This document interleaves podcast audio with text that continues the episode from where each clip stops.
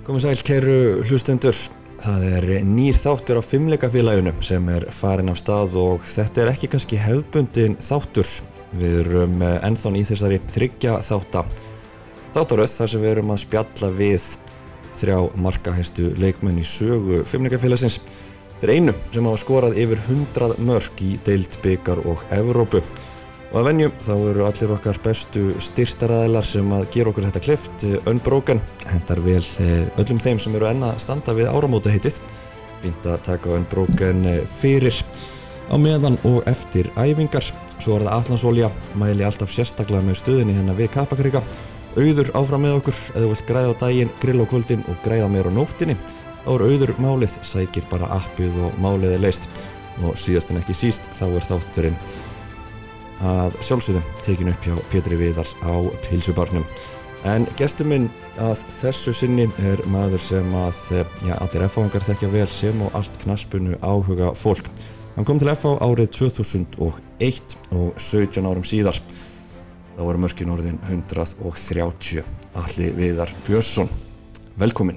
Kæra þakkir Hvað svona syngur er? Bara brattur sko Gott, a, gott að koma hérna sem, sem áður, gott að sjá betur við potana og Ekki. allt eins og þetta á að vera sko Þú getur leiftir að koma inn oftar eftir að ferlinum lög. Ég, ég gæti það sko en, en ég veit ekki henni ég mætti vera duglegur að mæta enga en, en hérna, ég hitti Pétur En- oft og reglulega og það er alltaf, alltaf gott Alltaf gaman að heita Pétur uh, En við viljum bara fara aðeins í þættinum í dag svona bara yfir þinn feril hjá FH Ok. og ef við byrjum bara á byrjuninu svona þinn kannski fyrsti snertipunktur við þetta félag það byrjar nú áður en þú gengur til þessu okkur. Það byrjar alveg að þú gerur okkur lífið. Ansi leitt í fyrstu dildinni ég var að skoða þetta sko þú spilar fjóra leiki gegn FH Já, og þú skorar í þremur þeirra held ég alveg örgulega Já ég held meiri sér að sko að þú setur að gleyma einum byggarleik Já, milli, ég, ég var ekki að taka byggalegi með sko. Nei, þannig ég held að uh, uh, ég spila með Dalvík í næst eftir deild 99 og 2000 þá var að fá í næst eftir deild líka og ég mitt held að held að ég hefði spilað þessa fjóra leiki þessi, þessi tvo leiki hvort ár og skoraði þreymur af fjórum og svo dróst F á mót okkur í byggarnum einu sinni líka og komið norður. Og ef ég maður rétt þá held ég skoraði þeim leik líka. Sjálfsögðu. Þetta gekk, gekk ákveðlega Þannig að þegar logi ákveður að fá þig það er væntalega bara til að þú hættir að skora gegn okkur. Stoppa þetta. Nei, sko ég, ég, já, það hefur örgulega hjálpað til að, að hérna, Loga hefur litist ágætlega á mig þegar hann, þegar hann var búinn að horfa á mig nokkur sinni spila og, og hérna, þetta var búið að ganga eins og, eins og við erum að tala um það. Svo, ég kannast aðeins við Loga hann á þessum tíma líka og, og hérna, hann og pappi voru ágætsfélagar og Það er mjög logalegt sko. Já, já, uh, úr reyfingunni svona einhvern veginn þek- þekktust Þannig að, að þú veist, logi þegar hann bankaði upp og, og kom norður og bóðaði, hérna, komið sinni í kaffi til Dalaukur þá var það eiginlega fljótt ljóst í mínum huga hvert, hvert hérna, hugurinn stemdi og hver ég myndi enda sko. Ég var um þetta að rifja þetta upp sko hérna, það voru margirinn í Gaplakrika sem reynda að eigna sér heiðurinn af þessum félagskiptum en svona logi klárat þegar það sagði sko ef hver annar ætla að taka heiðurinn þá mætti endur greiðunum bæði sko farið norður og hótelgistinguna þannig að það var greitt að alveg sjálfur. Já, En mjög var eitthvað svona, þú veist, þú voru náttúrulega búin að raða inn mörgum þannig í fyrstildinni, voru önnur félög sem svona voru að tjekka á þér?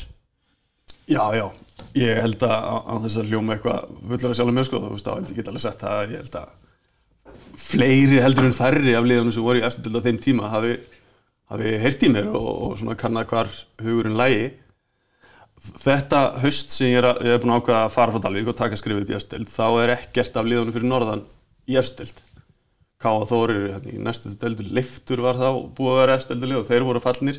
Þannig að það var alveg ljóst að ég þyrfti að fara suður ef ég ætlaði að fara í efstild og það voru nokkuð mörg sem síndu áhuga og höfðu samband og, og hérna bæði komin orður til að reyna að hitta mig og, og heilla mig og hérna hefðu, hefðu viljað fá mig en, en hérna eins og að þegar Logi hafði samband og, og hann með sína persónutöfra þá, þá var þetta held ég frekar auðveld, auðveld sölumeska fyrir hann sko. selt þessa hugmynd, en svo var ég líka upp sko, ég sé að þegar þetta er allt í svona kortanum að skömmu áður þá kom lítil frétt í einhverju blaði að eh, Heiðar Helgursson hefði komið á þannig einhverju samstarfi Dalvíkur og Votford Já. og þú fóstið ekki í einhverja svona lillar æfingabúðir þar Jú, jú, við, við fórum, ég og, og Jóhann Hreðarsson, þá sam, samherri minn hjá Dalvík, fórum til Votvort í halva mánuð og, og hérna, þetta hittum akkurat þannig á að hafa kennarverkvall eins og sem oftar á þessum árum, sko, að hérna, það var ekkert sem að, sem að var að reyka okkur heim, að við vorum hérna, held ég, í, halva mánuð í, í hérna, á einhvers konar træjal hjá Votvort, en maður vissi svo sem alveg að þetta var ekki, ekki komið til út af áhuga Votvort að, skoða okkur, heldur var þetta meira svona eitthvað samstarf sem að sem að heiðar koma á og við, við fengum að vera hérna í hálfa mánuð. samt sem móður er gaman að fara þannig Frábært. úrvastilda klúb og sjá aðstæður og annað. Sko, ég, mér minnir að það hafi verið næstustu deild á þessum Já, tíma en, en hérna, við vorum teknir inn í aðlið, við vorum aðeins með þeim og fengum að ferðast með þeim í leiki og svona bara að sjá. þegar hvað Graham Taylor er? Graham Taylor er bossinn hann já. þannig að þú ferð úr þessu hérna aðstæðum hjá Votvort og, og beint í Sörla. Það var eiginlega bara akkurat þannig sko, ég kom heim og ég held í Jóló Dalvík og, og svo kem ég hingað í Hafnarfjörð, eiginlega strax eftir áramót þegar, verkvallið er búið og hérna, máttu fara strjúkum frjálstöðu aftur, þá- þá flytjum við, ég og Eva konu mín, söður og, og hérna, fyrstu æfingarna vorum alltaf bara upp í Sörla og þá maður slegist. með litlu pollunum hann þegar þakin alltaf lag og svona Já, já, þetta var, þetta var mjög orginal en, en alveg hrikalega skemmtilegt og svona, svona minning sem að, sem að iljar þegar maður hugsa tilbaka. En hvernig var svona bara fyrstu vikunar þegar þú ætti að koma nýr inn í F-lið, F-lið náttúrulega eh, þannig að nýliði í efstu deild og svona smá breytingar á, hópnum en samt svona góður kjarni og talsveit af svona þessum eldri reynslu miklu leikmönnum sem voru til staðar. Var þetta mikil viðbriði að koma í F frá Dalvik?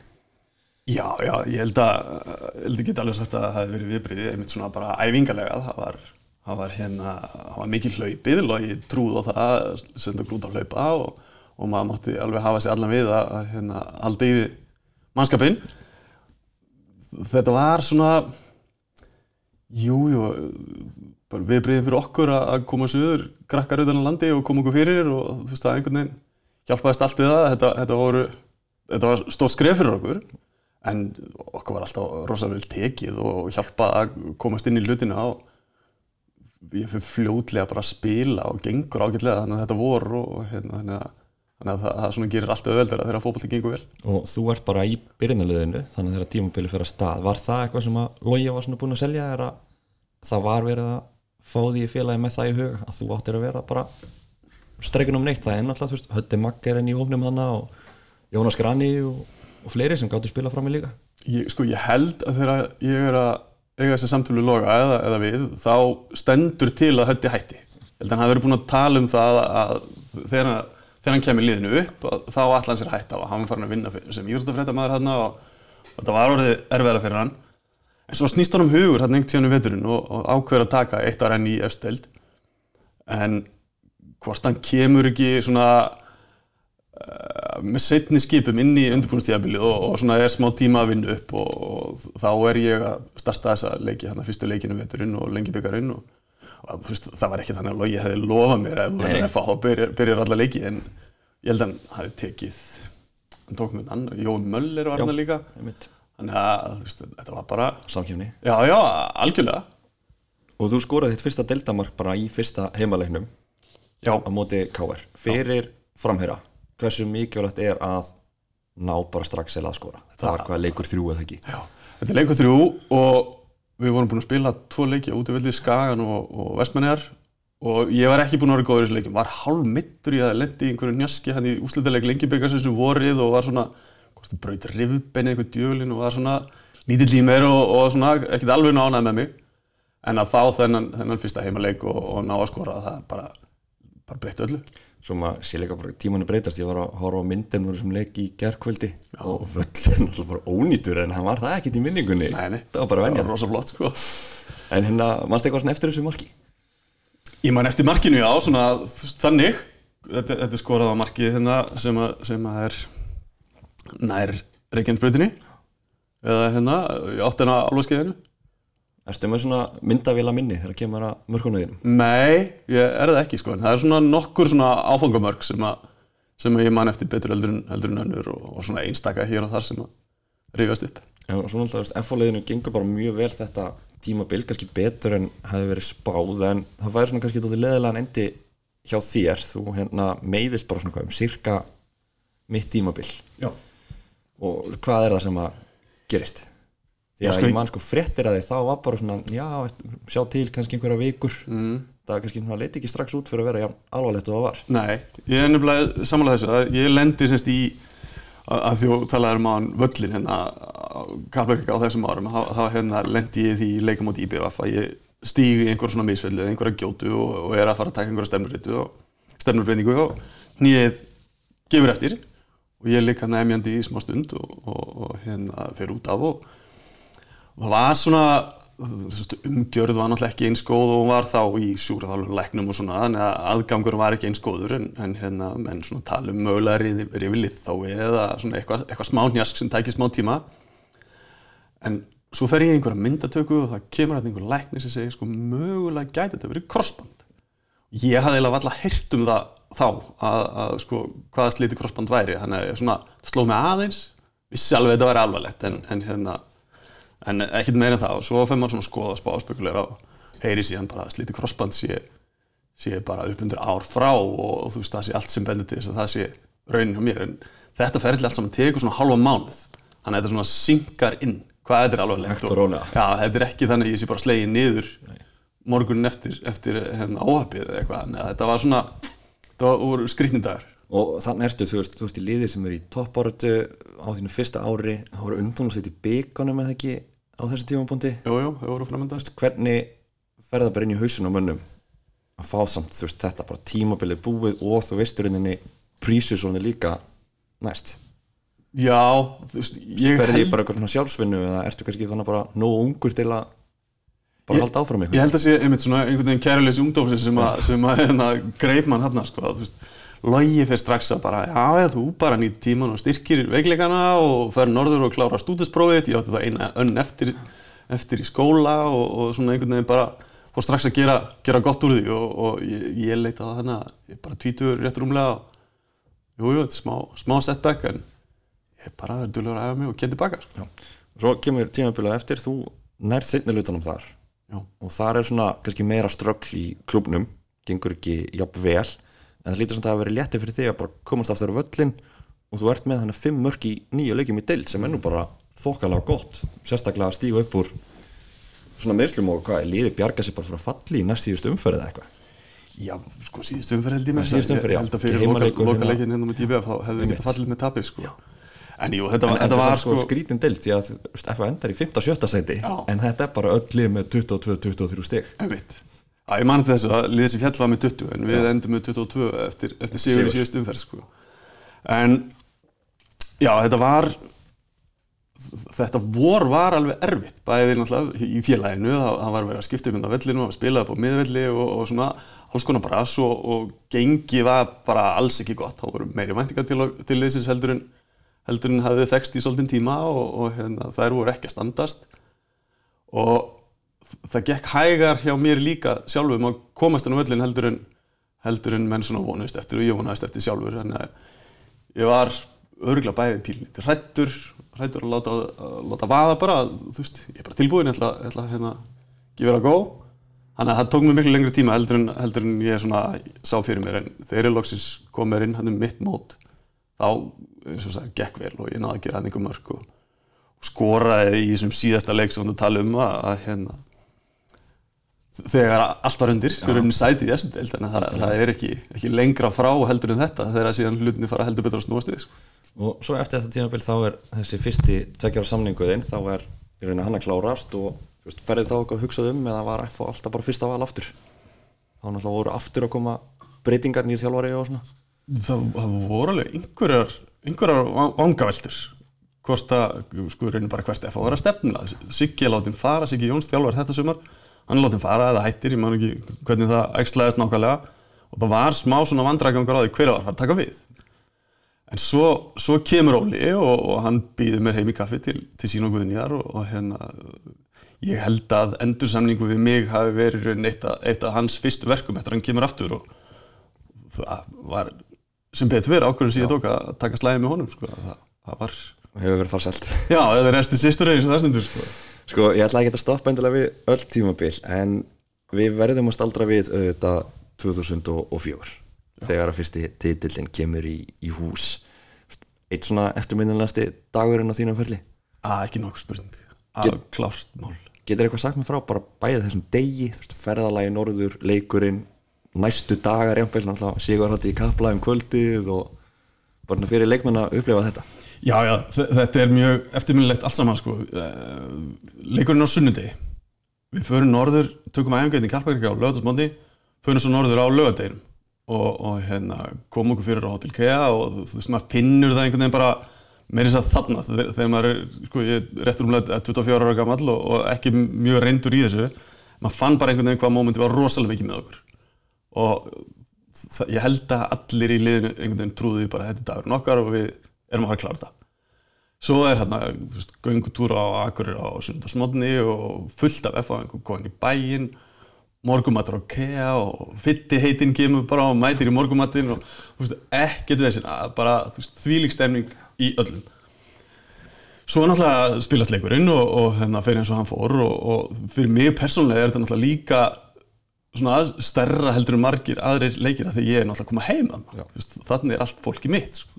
Fjölskyldan öll og fullt af vinum og einhvern veginn þannig að það að ná þessum fyrsta tilli þarna fyrir fram mitt fólk líka er, er eitthvað sem mér þótti ótrúlega vendum Svona ekstra sérstætt eitthvað. algjörlega en svo náttúrulega eins og segir komum við suður það er, er partí hérna í Kaplavík um kvöldið og Það voru örgulega 2-3 þúsund manns eða eitthvað hérna í kapla, sko. Það Já, var dróðfullt balan. bara hérna út á bílaplanni og við stóðum upp á einhverjum vörubilspalli og einhver flugöldasýning og eitthvað þannig að þetta, þetta var mjög eftirminnilegt Og er, ef maður nokkra daga að ná sér niður eftir, eftir svona. Já, já, við, við vorum það alveg og ég held að það hafi orðið einhvers konar spennufall. Við eigum, ef, ef ég maður rétt einn, einn Európa-leik eftir hérna. Við eftir að fara út og spila við Akken svo er eftir undanústi byggar og, og, og hérna það sem við áttum eftir að spila og klúður okkar málum eftirminnilega í því. Þannig að ég held sko, spennufalli var bara það mikið í klúbnum eða í hópnum að, að það einhvern veginn var ekkit, ekkit eftir hann Náttúrulega fyrsti, bara fyrsti stóri titillinu, sko. Sumar sem Þórir heitinn deyr og einhvern veginn þú veist, tilengur náttúrulega eðlilega allir honum titilinn og menn rifja það upp allt saman en, en það var mjög, mjög tilfinningaþrungið allt saman. Reisadagur. Já, Svo ef við stoppum aftur síðan bara 2006 þá fyrir aftur svona úr þessum hæðum og yfir kannski nýja læðir sem er að þú lendir aftur í þessum meðslum 2006 já, og hvað, heimalegur þetta Grindavík eða ekki? Já. Og er þetta aftur ykkur gjótað á vellinum eða er þetta öðru Nei, sko, nei, þá held ég þetta hafa verið svona einhvers konar smá tækling, sko. Þú veist, Ég er, er hérna, þetta gerir seint í fyrirháleik og ég er í svona einhverju hálffæri, er eitthvað að reyna að mynda mig eitthvað skotið eða eitthvað og, og Greinvík kemur svona einhvern veginn og þú veist, svona aðeins stuggar við mér, sko, þú veist, ekkert hættulegt og ekkert, ekkert sem að hefði átt að dæma á það neitt svo leiðis en, en nýðið gaf sig aftur. Vissur strax bara það sama Já, það var nákvæmlega þannig, ég, það bara kom yfir mig. sami verkur og bara sama. tilfinningin. þetta er bara eins. Og þarna var þetta ólíkt að því liturinn til sko að þú veist, náttúrulega fyrir heim og einhvern veginn bara greini kottan það kvöldið. Fyrir hádegi morgunin eftir eru bara búin að greiningu og staðfestingu sko, þetta er það sama þetta er ekki sama byðin eins og síðast. Nei, þannig að þú farið höggi strax. Þannig að þarna er maður kildur niður bara alveg niður í dýstu dali sko. og er þetta erfiðara þegar þú veist hvað er framöndan miklu, miklu erfiðar að- að heyra þetta svona þekkjandi ferlið, vitandi hvað það bílu vinna bara martraður um æfingahjólið og Já, já, og, og, og endalega klukkstundir hjá sjúkraþálfurunum og, og hérna vera kift út úr þessu og, og svo er þetta náttúrulega líka þarna 26 ára gamall að vera slíta krossband í annarsinn að þú ert ekkit sannfærir um það og setja að fara að koma tilbaka sko. ég ætla að mynda að spyrja til það þú veist, kemur þannig upp, eitthvað upp í höstum að að þetta sé bara komið gott? Já, það kemur klálega og sérstaklega þegar, þegar myrkrið er sem mest og einhvern veginn þingslinn yfir höstnum að, að þá efasnaður en ég næði svona tiltölu að fljótt að setja á hausinu að það bara, ég ætla ekki að hætta á þessum fórsöndum ég vil ekki hætta á mínum fórsöndum þannig að ég ætla að fara í gegnum ferlið og taka endurhæfinguna og, og gefa þessu sjans og það er bara svona, var þetta eitthvað svona öðruvísi þannig, þú veist, varstu stók þetta skemmri tíma eða er þetta bara er þetta bara það sama? endurhæfingin er í sjálf sér svipuð þetta, veist, þetta er sami ferlið, það er byggð í nokkra vikur fram að aðgerð svo þe- þegar raunni sko, sá tími er náttúrulega óbúslega erfiður og leiðilegur þú ert að býða eftir aðgerðinni. En um leið og kemst í aðgerðina þá einhvern veginn getur þú litið það sem svona hálfgeir núlpunkt og farið að byrja að byggja þau upp. Svo er sko, jú, ég breyti aðeins til um endurhæfingunum, fer til annars sjúkraþálara og æfa öðrum stað og, og svona gerir hlutina aðeins öðru sig en þetta tekur alveg að blanga tíma og þetta eru sömu litlu leðilegu æfingarna sem þú þarfst að gjöra svo vel að gera aftur og aftur og aftur. Já, það, það er ekkert shortcut í, í, í bóðið í þessu, þú þarft bara svo, að leggja það að vinna. svo ferðu við svona aftur að byrja að spreikla eitthvað og, og þá kemur til tals að þú farir í bara svona cirka mánuð til fjölnins eða ekki? Litlu F og nýlenduna í græðuvinum Já, þetta, þetta er þess að vorið 2007 þegar ég er að koma tilbaka og, búin að fara í æfingarferð og svona aðeins komin á stað þá gerir Óli á mér ljóst að, hérna Arna Gullöks er þá fyrsti sendir Alli Guðuna, Matti Villa og Alan Dýringon held ég hérna líka. Þeir væru á undan mér í augnublikinu og, hérna, það hún sannlega sniðið bara fyrir alla ég skrepp á lán, fá, fá nokkru leiki.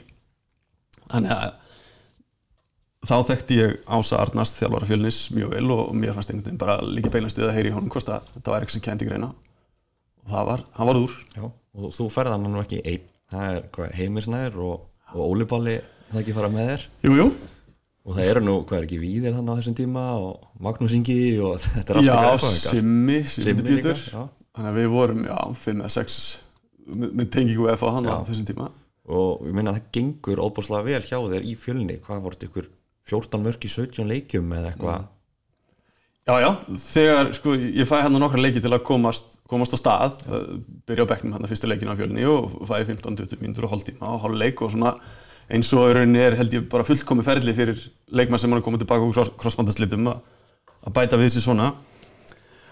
Svo, já, já, eftir því sem að hlutverkið stækkar hjá fjölni þá, þá fer að ganga betur og hérna bæði liðinu gengur vel og þetta er, þetta er gott og skemmtilegt lið og, og mér sjálfum persónulega og komið eitthvað til tals hana um mitt tímabil að þú kemur aftur í FH eða, eða vildu þið bara strax að þú myndir klára tímabilið hana? Sko, þetta er nú saga. Eh, Það er sérst þannig að nokkrum dögum áður en að glugganum lokar þá tölum við Óli saman, Óli Jó. Og hann ákveður að hann ætlar ekki að taka mig tilbaka. Og bara gott og vel, þú veist, mér gekk vel í fjölni og, og leiði vel þar og, og hérna, þú veist, jú, ég var svektur yfir því að mér fannst FH liðið þá þurfa á mér að halda. En, en ég ákvað bara að setja hausin undir mig og klára tíðanbílum í fjölni og sáttu við það. Svo gerist það á, á gluggadegi, kvöldi gluggadags að það fara önnur liður versteild að, að hérna, hafa áhuga á mér. Og gluggadagskvöld er mjög skrautlegt. Ég er að spila með fjölni upp í grái skora mark sem tryggir okkur sigur eða tryggir okkur jafntefli í einhverju mjög tvísunni leik nema svo þegar við erum svona hálfa fagna þá kemur ási þjálfari fjölnis eiginlega hlaupandi inn á þegar þú ætti að koma að talaði minni í klefa fyrsta sem að ég held að var eitthvað komið fyrir sko. hann, hann bara dragað mig af síðu svo einhverja slæma fréttir sko. nema við einhvern veginn svona hálf hlaupum í gegnum einhver, einhverja manndröng og, og hérna, hann dregur minni í eitthvað fundarherbyggi og segir, herri, FH vil selja þig. FH hefur búið að samþykja tilbóð og það eru hérna lið sem að vilja fá að tala við þig og þú hefur tvo tíma núna til að taka ákvörð og ég einhvern veginn lappa hann í ringi og stend í sko, sveittur í, í fjölninskalanum á einhverju skrifstofu eða einhverju fundarherbyggi í, fjölninshúsinu og, og hérna einhver síntöl fram og tilbaka við fólki mitt og, og hérna einhverja, einhverja aðalæg, ég man ekki nákvæmlega hverja. Nema það verður einhvern veginn úr að- að við svona bara ákveðum bara að einangra okkur og, og svona pínur láta tíma líða þannig að við sitjum hérna, ég og Ási Arnars og Eva, kona mín og bara eiginlega slökum úr símanum þannig að við ætlum ekki í þig. nei, það er bara næst í gími og við ætlum bara að láta, láta klukkunum vera 12 sko. og ég náttúrulega ég var ánægð með þessu ákvörðin, ég vildi bara klára tímabilið með fjölni, það var rosa gaman gekk vel hérna og, og hérna þetta var svona einhvern veginn bara kom það bara strax þegar þú ágöð bara ég ætla að tíma líða var, þú var strax bara sáttu við það. Sko ég var allavega ekki tilbúin til að taka ákvörðin um að sko fara frá fjölni ef ég hefði þurft að yfirgefa F á þarna þá held ég hefði náttúrulega bara en hefði fjölni til dæmis gert tilbúð Já, þeir, þeir voru til í það sko. Veist, þeir hefðu viljað ganga inn í einhver díl þetta var, var tölveri peningur ef ég maður rétt og, og hérna þetta rándi var, leikmaður. Þetta, var rangtir leikmaður sem var verið að tala um sko. en ég eh, lagði það miklu frekar til að þessi er bara fresta fram á haustið ég myndi bara klára þetta hjá fjölni og, og hérna hvað sem að eru þið þjálfari skipti á FA eða einhver breyting eða eitthvað er til þess að FA myndist nú að stugur þá myndum við bara skoða það en, en allavega þannig að ég hefði tækifæri til að hugsa mig betur um og, og vanda valið þá, þá um haustið. Og það er líka, það er sko áhverð að skoða samt sko fyrstu til þetta ár því þetta eru ansi að er Hjörtur Hjartar markahæstur, þú ert í öðru munar einu marki og svo Gauji Baldvins neðan ykkur en þú kemur síðan aftur í FH 2008 og þá er náttúrulega, hann er heimir komin og tekið við það ekki Jú, og það er bara frá og með þessum tímapunkti 2008 það næstu 6 tímabil 5 þeirra ertu með yfir 10 mörg á tímabili. Hvað er þetta þú veist einhver svona hugafærsbreyting eða eitthvað sem bara fegst sjálfströst í fjölni eða bara tröst frá þjálfara bara vera strækur nummer 1 því að þú bara raðar inn mörgunum þannig eftir eftir þetta landstíma Ég held náttúrulega að þú hittir naglar á höfuð þarna með, með þetta tvent. Þetta er sko sjálfströst. Þetta tíðanbíl í fjölni gerði mér alveg rosalega gott. Ég er hérna, sendið nummer eitt, skora fullt af mörgum og einhvern veginn fæ, fæ blóð á tenninu hvað það var þar. En, en svo náttúrulega líka gerist það að, að heimir tekur við.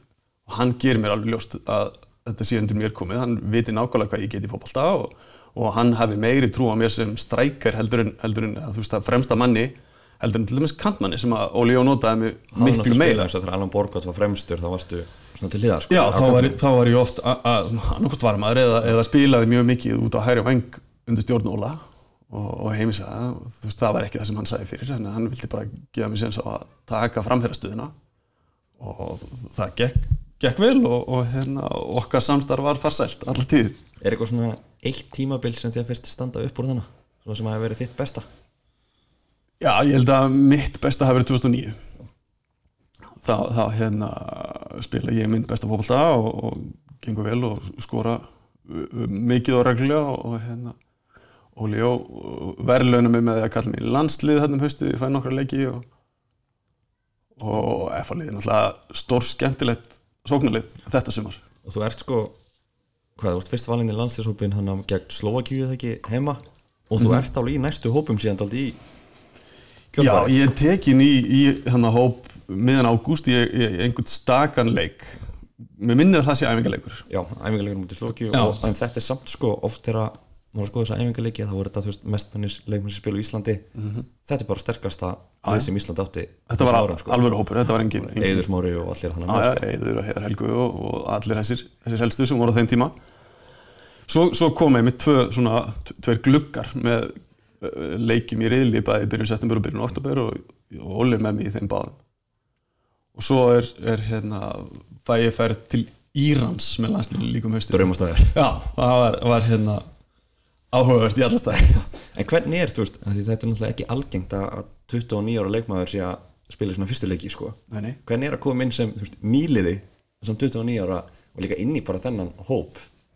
Það var rosa sérstætt en, en hérna 29 ára ertu held ég komið meira sjálfstyrst heldur, en- heldur en 20 eða 22 ára. Þannig að ég held ég hef átt miklu auðveldara með þetta heldur en ef ég hefði staðið í þessum sporum 20 eða, eða rétt rúmlega það sko. og með þjálfara sem bara þekki þið líka Já, já, þú veist ég einmitt þekkti, þekkti Óla vel og, og hérna svo er hérna menn sko Gunnleifur er hann í landsliðinu þá er hann búinn að semja við FH þannig að okkur verður strax ágætlega til vina og Emmi Hall er hérna á einhver, einhverju fleiri og Heiðar er náttúrulega Helgursson dalvíkingur eins og ég þannig að hann tók mér svona pínu og passaði upp á mig og þú kemur inn á í þennan fyrsta leik á Já. Laugarsvelli, það lítur að vera svona stolt stund eða hvað, maður- hvað er þetta að kalla? Já, ekki spurning sko.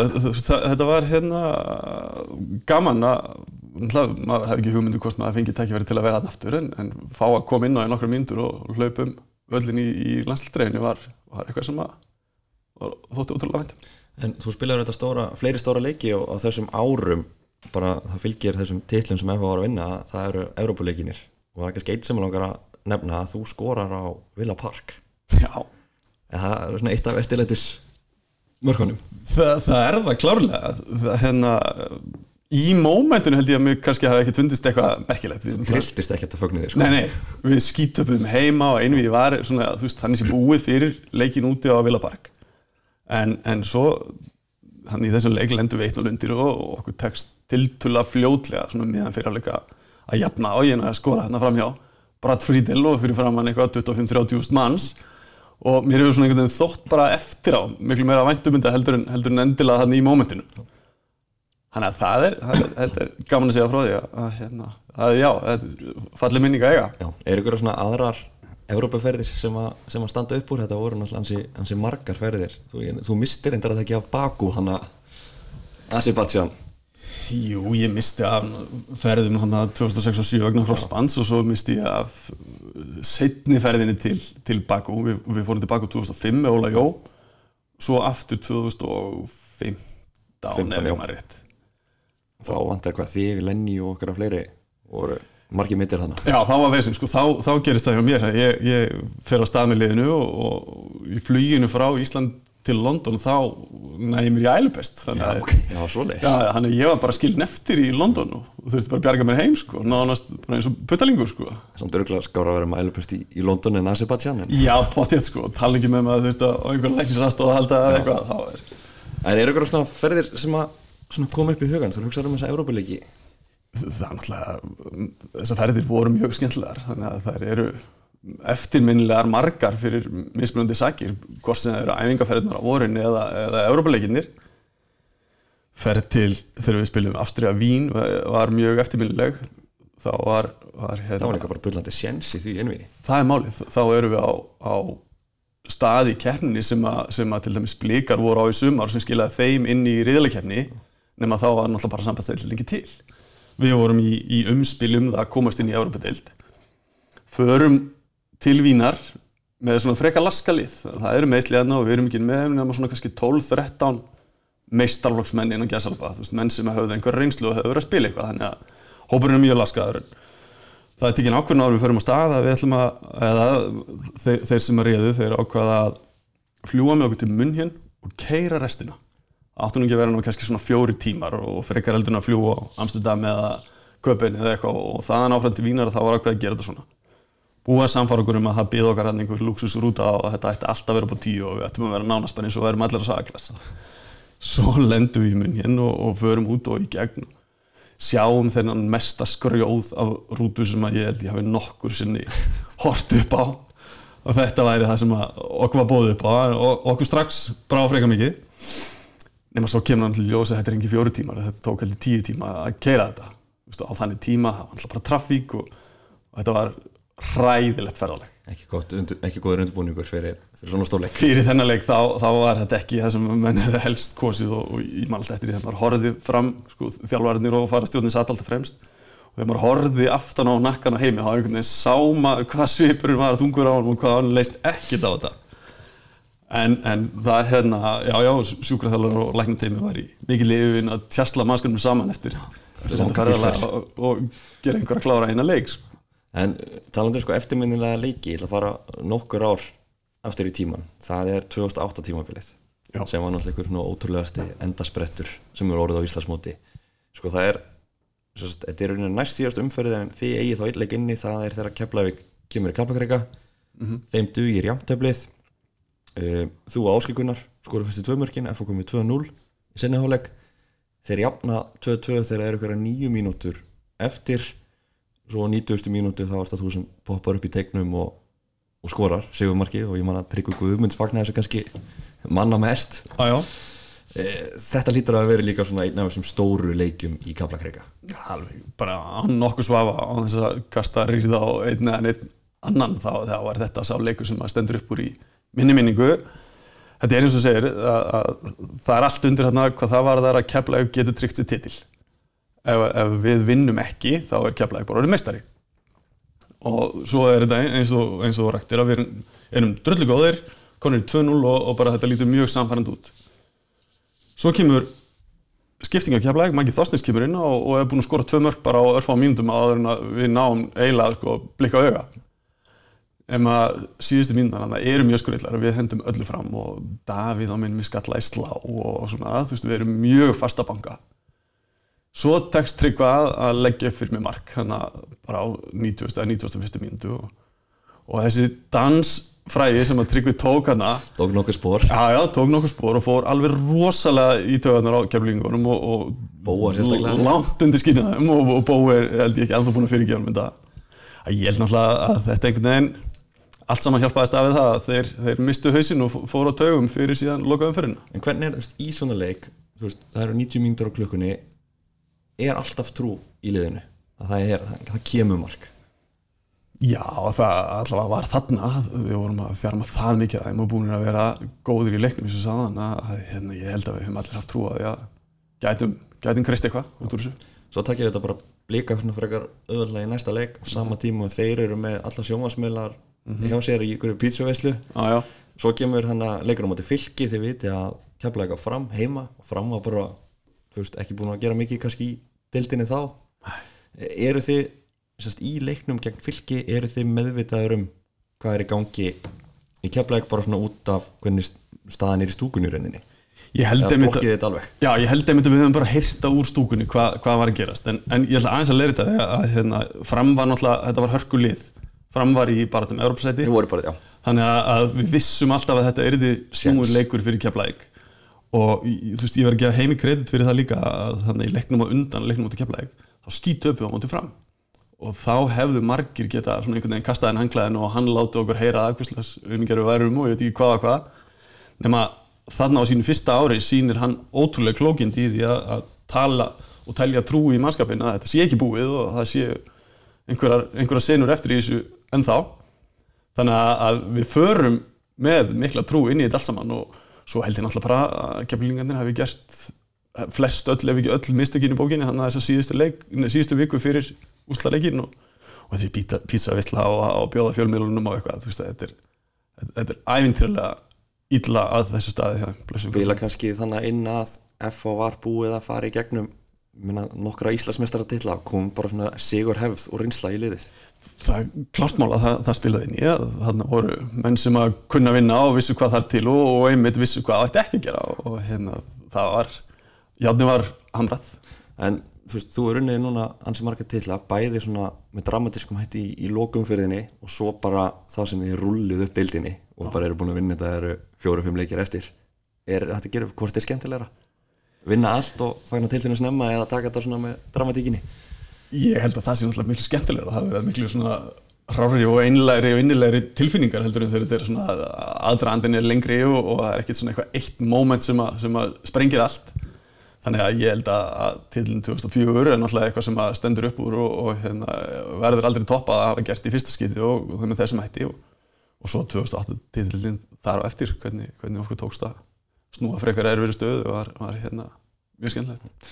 Eh, ef við hoppum nokkur ára núna fram til 2014 eh, þá ertu kannski í fyrsta sinn í mjög langan tíma lendi því að vera kannski ekki fyrsti strækir í liðinu. Já, og sko þegar það tímabil klárast ég ætla nú ekki að rifja upp hvernig það klárast svo sem en sko þá komu fréttir að þú varst að hugsa þetta reyfings þú varst þannig með 98 mörg í eftir til fyrir að fá. Spilaði það eitthvað inn í að taka allavega eitt sísunni viðbót? Nei, það gerði það rauninni ekki sko. ég hérna eins og segir, ég, ég hafði verið meira og minna í byrjunliðinu í fyrri umferðinni þetta tímabil. Gengið vel, komið nokkuð mörg og, og þú veist, það leit sam, bara allt saman nokkuð vel út. Nema svo gerist það að Kristinn Gauti fer út og Lenny er keftur í staðinn og ég sé það náttúrulega bara mjög fljótt með að við standið að Lenny, hann var náttúrulega ógæslega góður þegar hann kom hérna að, að mitt hlutverk væri búið að myndi breytast aldrei mikið. Lenny og Allin Guðna náðu hrikalega vel saman og það, þeir voru svona einhvern veginn tóku yfir sviðið þarna.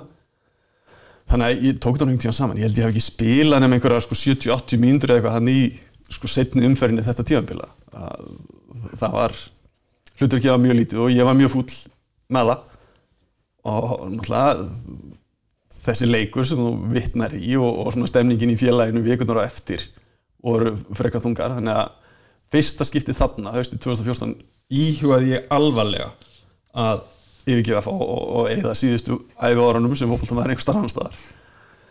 En svo eftir svona smá umhugsun og hafandi farið í frí og bara svona aðeins kópla sér frá þessu þá ákvaði ég að það, það svona bara gerði upp fyrir mig að það sem skipti mig meira máli væri titlar og árangur heldur en að eldast við eitthvað markamett eða eitthvað svona, þú veist, það gerði ekki til mig, þannig að ég vildi taka þátt í því að, að svara fyrir þenn, þennan þessa hörmung hérna haustið 2014 og, og, og vera partur af liðinu sem myndi tekur síðan til að 2015 og 16 Já, og þú skorar þetta frega 100. mark já, 2015 en hérna svo ætlaði nú allir fjölmjölar að landsins að taka viðtalið eftir leik. Þá var heimur búin að banna það.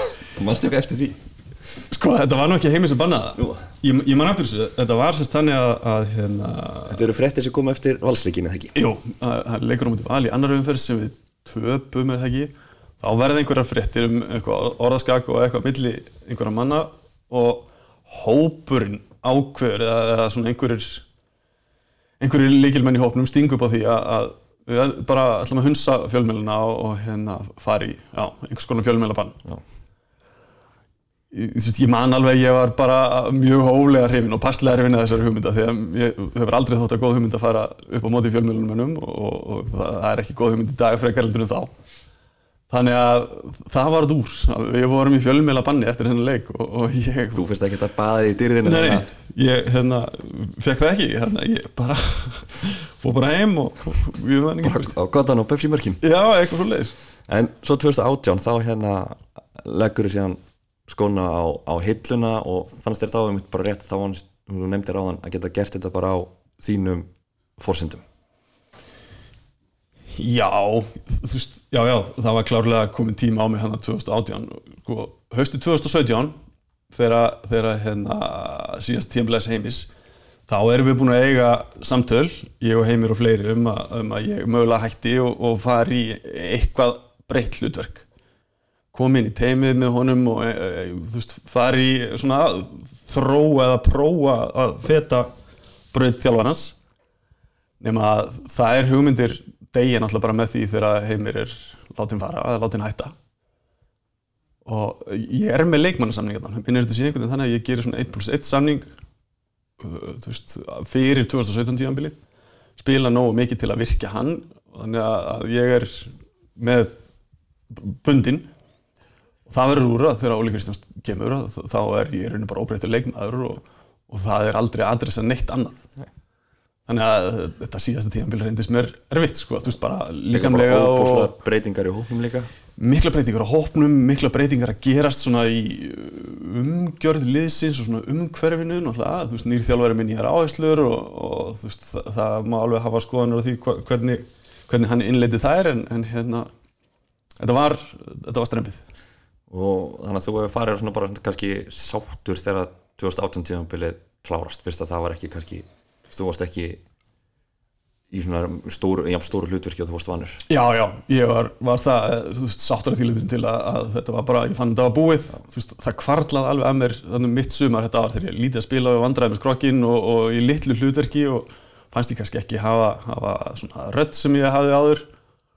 Að mitt sumar var ég mikið að spá ég og skæftir ég bara að fá að hætta en mér fannst það svona einhvern veginn uppgjör og uppgjöf og, og, og þú veist, vildi ekki gera það með þessum hætti þannig að ég sett undir með hausinn og, og kláraði Kláraði tímabilið en, en hérna það má hafa alla skoðan af því hvort ég hef bara betur gert það hérna. Nei, nei, ekki spila sér lengst bara. En hérna, ef við sko horfið tilbaka við fyrir þú spilaði með auðvitað mörgum frábærum leikmunum og hérna bæði náttúrulega stórum og miklum karakterum Já. og frábærum fótballtumönnum stundu fóra saman, stundu kannski kannski ekki, já, jú, þetta er F og alltaf góðu fótballtumenn en sko ég bæði um að velja fimmana lið Já, sem þú ert ekki partur af. Já, hvernig gekk það? það var bara mjög erfitt. Já, ertu að fara að fá okkur símtölu eftir þátt frá einhverjum móðgöðum ég myndi ekki útloka það. Það, verið einhverju sem að, sem að hérna verði ekki sátti með mig sko. Þá spyr ég bara hverjir, hverjir komast í liðið Sko, ég, ég vil spyrja þig fyrst. Eh, þú talar um fimmannalið Já, hérna á æfingum ég var náttúrulega mikið stundaður fimmannabolti og, og þú veist, það var eitt að vera góður í fimmannabolta og annað að vera góður s- samherji í elliðumannabolta já, ég geti stilt upp liðið innan fimmannabolta sem það ætti ekki nokkuð séns á að tapa einum einasta leik. En, en ég svona fór frekar þá leið að velja svona, þú veist, svona sem, sem myndi líka nýtast best í 11 manna já, sem er í rauninu svona kannski farsælistu leikmennir og, og þeir sem að, var best að hafa með í liði en ég held að, held að hérna, ef ég byrja, þá myndi ég alltaf setja Daða í markið.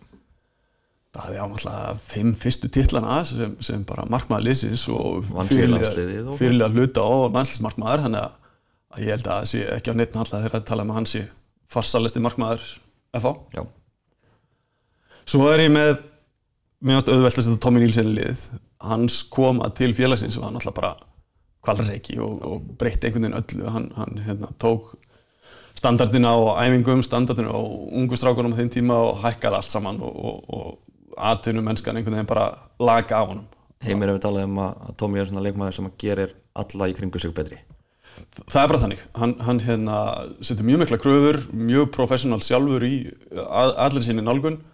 Þannig að bara með að vera nálæður og vera á svæðinu þá, þá hérna, hafði hann góð, góð áhrif á allt og allir kringu sig Næstur á blaði er, er Davíð Þór Viðarsson. Ég, ég var, ég ætla að viðkynna, ég var í vandraði með þá, þá mága Davíð eða Pétur, hvernig ég ætti að hafa með, með Tommy. En, en hérna, já hvað að hafa, hafa Davíð? Hann náttúrulega í, í þessu setna FH-liði, það er að heimisliðin er náttúrulega óumdeldur liðtói allan tíman stóru hlutverki í liðinu og Óla líka fyrir, fyrir FH-liðinu, þannig að ég held að sé Bara orðin líkil maður 17 ára í rauninni. Það er svolítið þannig sko. Hann, hann sló hún sannlega eitthvað með tímabili 2005 í, í misnotuðum döðafærum ég held að hann spila sko fremstur á miðinni í því liði. Spila nánast allan mínútur. Ég held að hann hafi tekist að skora bara eitt mark. Já, við getum orðað þannig að sko ef við hefum til að halda áfram að telja niður hérna á 100 marka vegnum þetta þýrt að vera alltaf langur veggur áður en nú kemur að nafnina stafís Já, hann var, hann var betri í heldur en nýta færi sín eða, eða, eða gera mörg. Svo eru frammi eða, eða svona framherjar liðsins eru annars vegar. Hann er fyrstur á blaði í öllum liðum draumaliðin sem ég hafa stillu upp það er bara af einföldum ástæðum. Og líka þið voru herbyggisfélagar að það ekki í Európaferðanum ekkert rosalega mikið, við vorum sko, erum góða vinir, ég, hann og Óli og Óli og Alli voru ofta saman. Svona, svona lengst af Þannig að þá var ég með Gunnleifja í stundum og, og Stjána Fimboa eftir að hann kom. Þannig að þetta var svona grúpa sem fór saman í mat á kvöldin og, og settist saman í morgumat og svona, þannig að þetta var góður hópur. góður hópur og, og svona alltaf bara allt sem allir gerði innan og allar bæði fyrir félagið og, og ekki síður mig að ég held sé, held sé ekki á neitt alla þegar það talaði um að hann laði upp langt flest mörkin á mig og, og var svona svo sem að hafði mest áhrif á mig sem leikmann síðasturinn í þetta liðið er Tryggvi Guðmundsson. Það svipa á ég var að segja við, um Tommy á hann að, að hérna, það sem að hann gaf af sér og gerði hann svona einhvern veginn bara stækkað allt. Þe- þegar að kom inn bara sem alvöru atvinnumæður það var þannig og, og, og svona gæðin í honum þá á þeim tíma ótrúlega mikið góð slút framlæði sem hann lagði á sig hljóp manna mest og bara algjör fyrirmynd í því hvernig hann, hvernig hann nálgæðist leikin og, og hvað hann lagði mikið að mörgum mér fannst alltaf gott að spila með honum og, og hérna þannig að já, þannig að mér finnst auðvelt val að hafa hann í, í þessu liði. Þetta lið myndi ná langt. Ég er nokkuð vissum að þetta getur alveg ágætt, svimmanli en sko ef þú horfir líka áfram til baka svona yfir ferilinn er ykkur svona ykkur önnur mörg af þessum, hvað voru þetta 100 og 130 mörg er ykkur önnur sem þú svona eru eftirminnileg og standa upp úr Sko, þú, þú myndist á hann á þetta marka móti keflæk 2008, það, það er svona, að, veist, það er eftirminnilegt. Ég held að eftirminnilegasta markið sem að ég gerði hafi verið hérna í Ekranes Ekranars 2013 þegar, þegar við stöndum fram með fyrir, ja, þú veist, við erum undir mikilli pressu, við fáum okkur mark og þetta út og svo kemur hana, einhver fyrirgjöf frá þeim sem að Robby grípur og ég tek strauði fram og er alltaf náttúrulega neitt fyrir opnum marki. Sko ég ætla að mynda að spyrja út í þetta mark því að ég var náttúrulega þú veist, jú maður var á vellinum þegar þetta var og, hefur hort ansi ofta á þetta síðan þá. Að sko það er náttúrulega gríðarlega pressa á okkur og markmaður þeirra komið fram. En það virkar eins og þú hefur bara beðið frammi því þú ert bara 40 metrum og undan næsta manni þegar Já. Robin neglir út. Það var nefnilega ekki að ég sammálaði, þetta virkar þannig. Þetta er sérst þannig, bara við erum, tekur á bara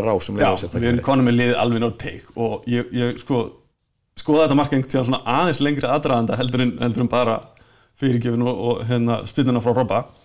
Þá er þetta semst þannig, ég er komin nánast nýra á er að þykist vera að hjálpa til að verjast. Fer í einhvers konar klafs, tapa því, þannig að bollin best út á veng og þegar það gerist og ég sé að markmaðurinn er komin, þá tekið strauð.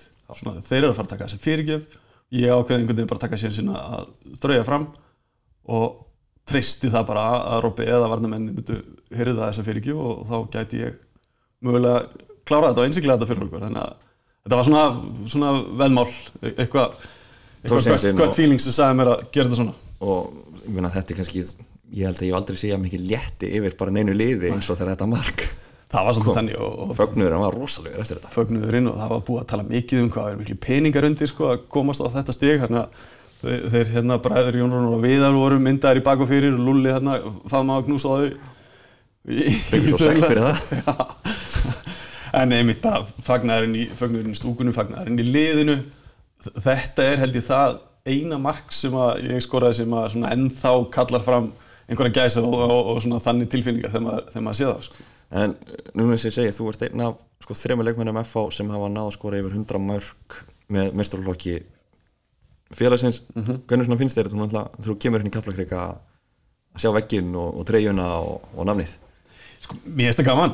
Ég hérna burti sér af því að, að þetta sé nafnilega mitt sem er aðna þá finnst mér þetta bara ótrúlega vel gert hjá FH að, að svona einhvern veginn að heiðra sögun og, vi- og virða það sem að eh, við gengið hérna á síðustu 20 og eitthvað árin með, með þessum hætti. Þannig að mér finnst það til mikilvæg fyrirmyndar að, að gera þetta. En, en ég samála því að, að það hérna, gílar eitthvað pínlítið að sjá, sjá, Sjá nafnið þetta þarna og, og ég er með á tvo sex ára gutta sem eru, eru fótballtasjúkir og koma hérna í kappleikriga flesta daga og, þeim finnst þetta gaman líka þannig að þetta, þetta er bara skemmtilegt Gaman verið. Eh, Ein svona loka spurning bara þegar ég var að grafa upp hérna gamla fréttir fyrir þetta spjall okkar að þá sá ég eina skemmtilega frétt sem ég held að við komum bara í ykkur staðarblaði fyrir norðan.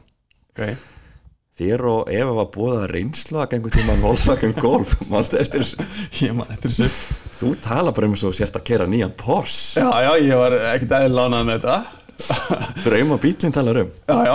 Þannig erum við, erum við sko í verkmyndsskólum Akureyri og, og það var einhver blaðmaður sem hafði sambandið við okkur og vildi búa til hann einhverja, einhverja frétt. Og þá honum fannst þetta góð hugmynd að að kynna nýja típa Volkswagen Golf með því að láta eitthvað ungd par úr, úr verkmyndsskólanum sitja fyrir. Og ja, þetta var bara fín bíl Þetta, já, já, fín, fínasti bíl en, en ég man eftir þess að þetta var, maður kannski aðeins of peppaðar hann að þessum tíma. En þú talaði hann um sko að hérna sko drau, loka draumurinn það væri nú að geta fengið sér eitthvað tíman jepling. En það Já, væri bara það fyrir ja? kvótakonga og bankastjóra. Þannig að Já. stóra spurningin er náður að láta þann draum reddast? Saði ég blinga og sæði götu jeppa. Götu jeppa, já. Já, ég, hérna, þó ég sé hvorki bankastjórun eða góða kongur þá, þá keiri ég um og götu jeppa í dag þannig að draumurinn er rættist. Er Ég held að það sést bara ljómandi fína endir á þessu. Að Björnsson einn af 100 marka mönnum FH Takk kjærlega fyrir komin eða það var við Takk fyrir mig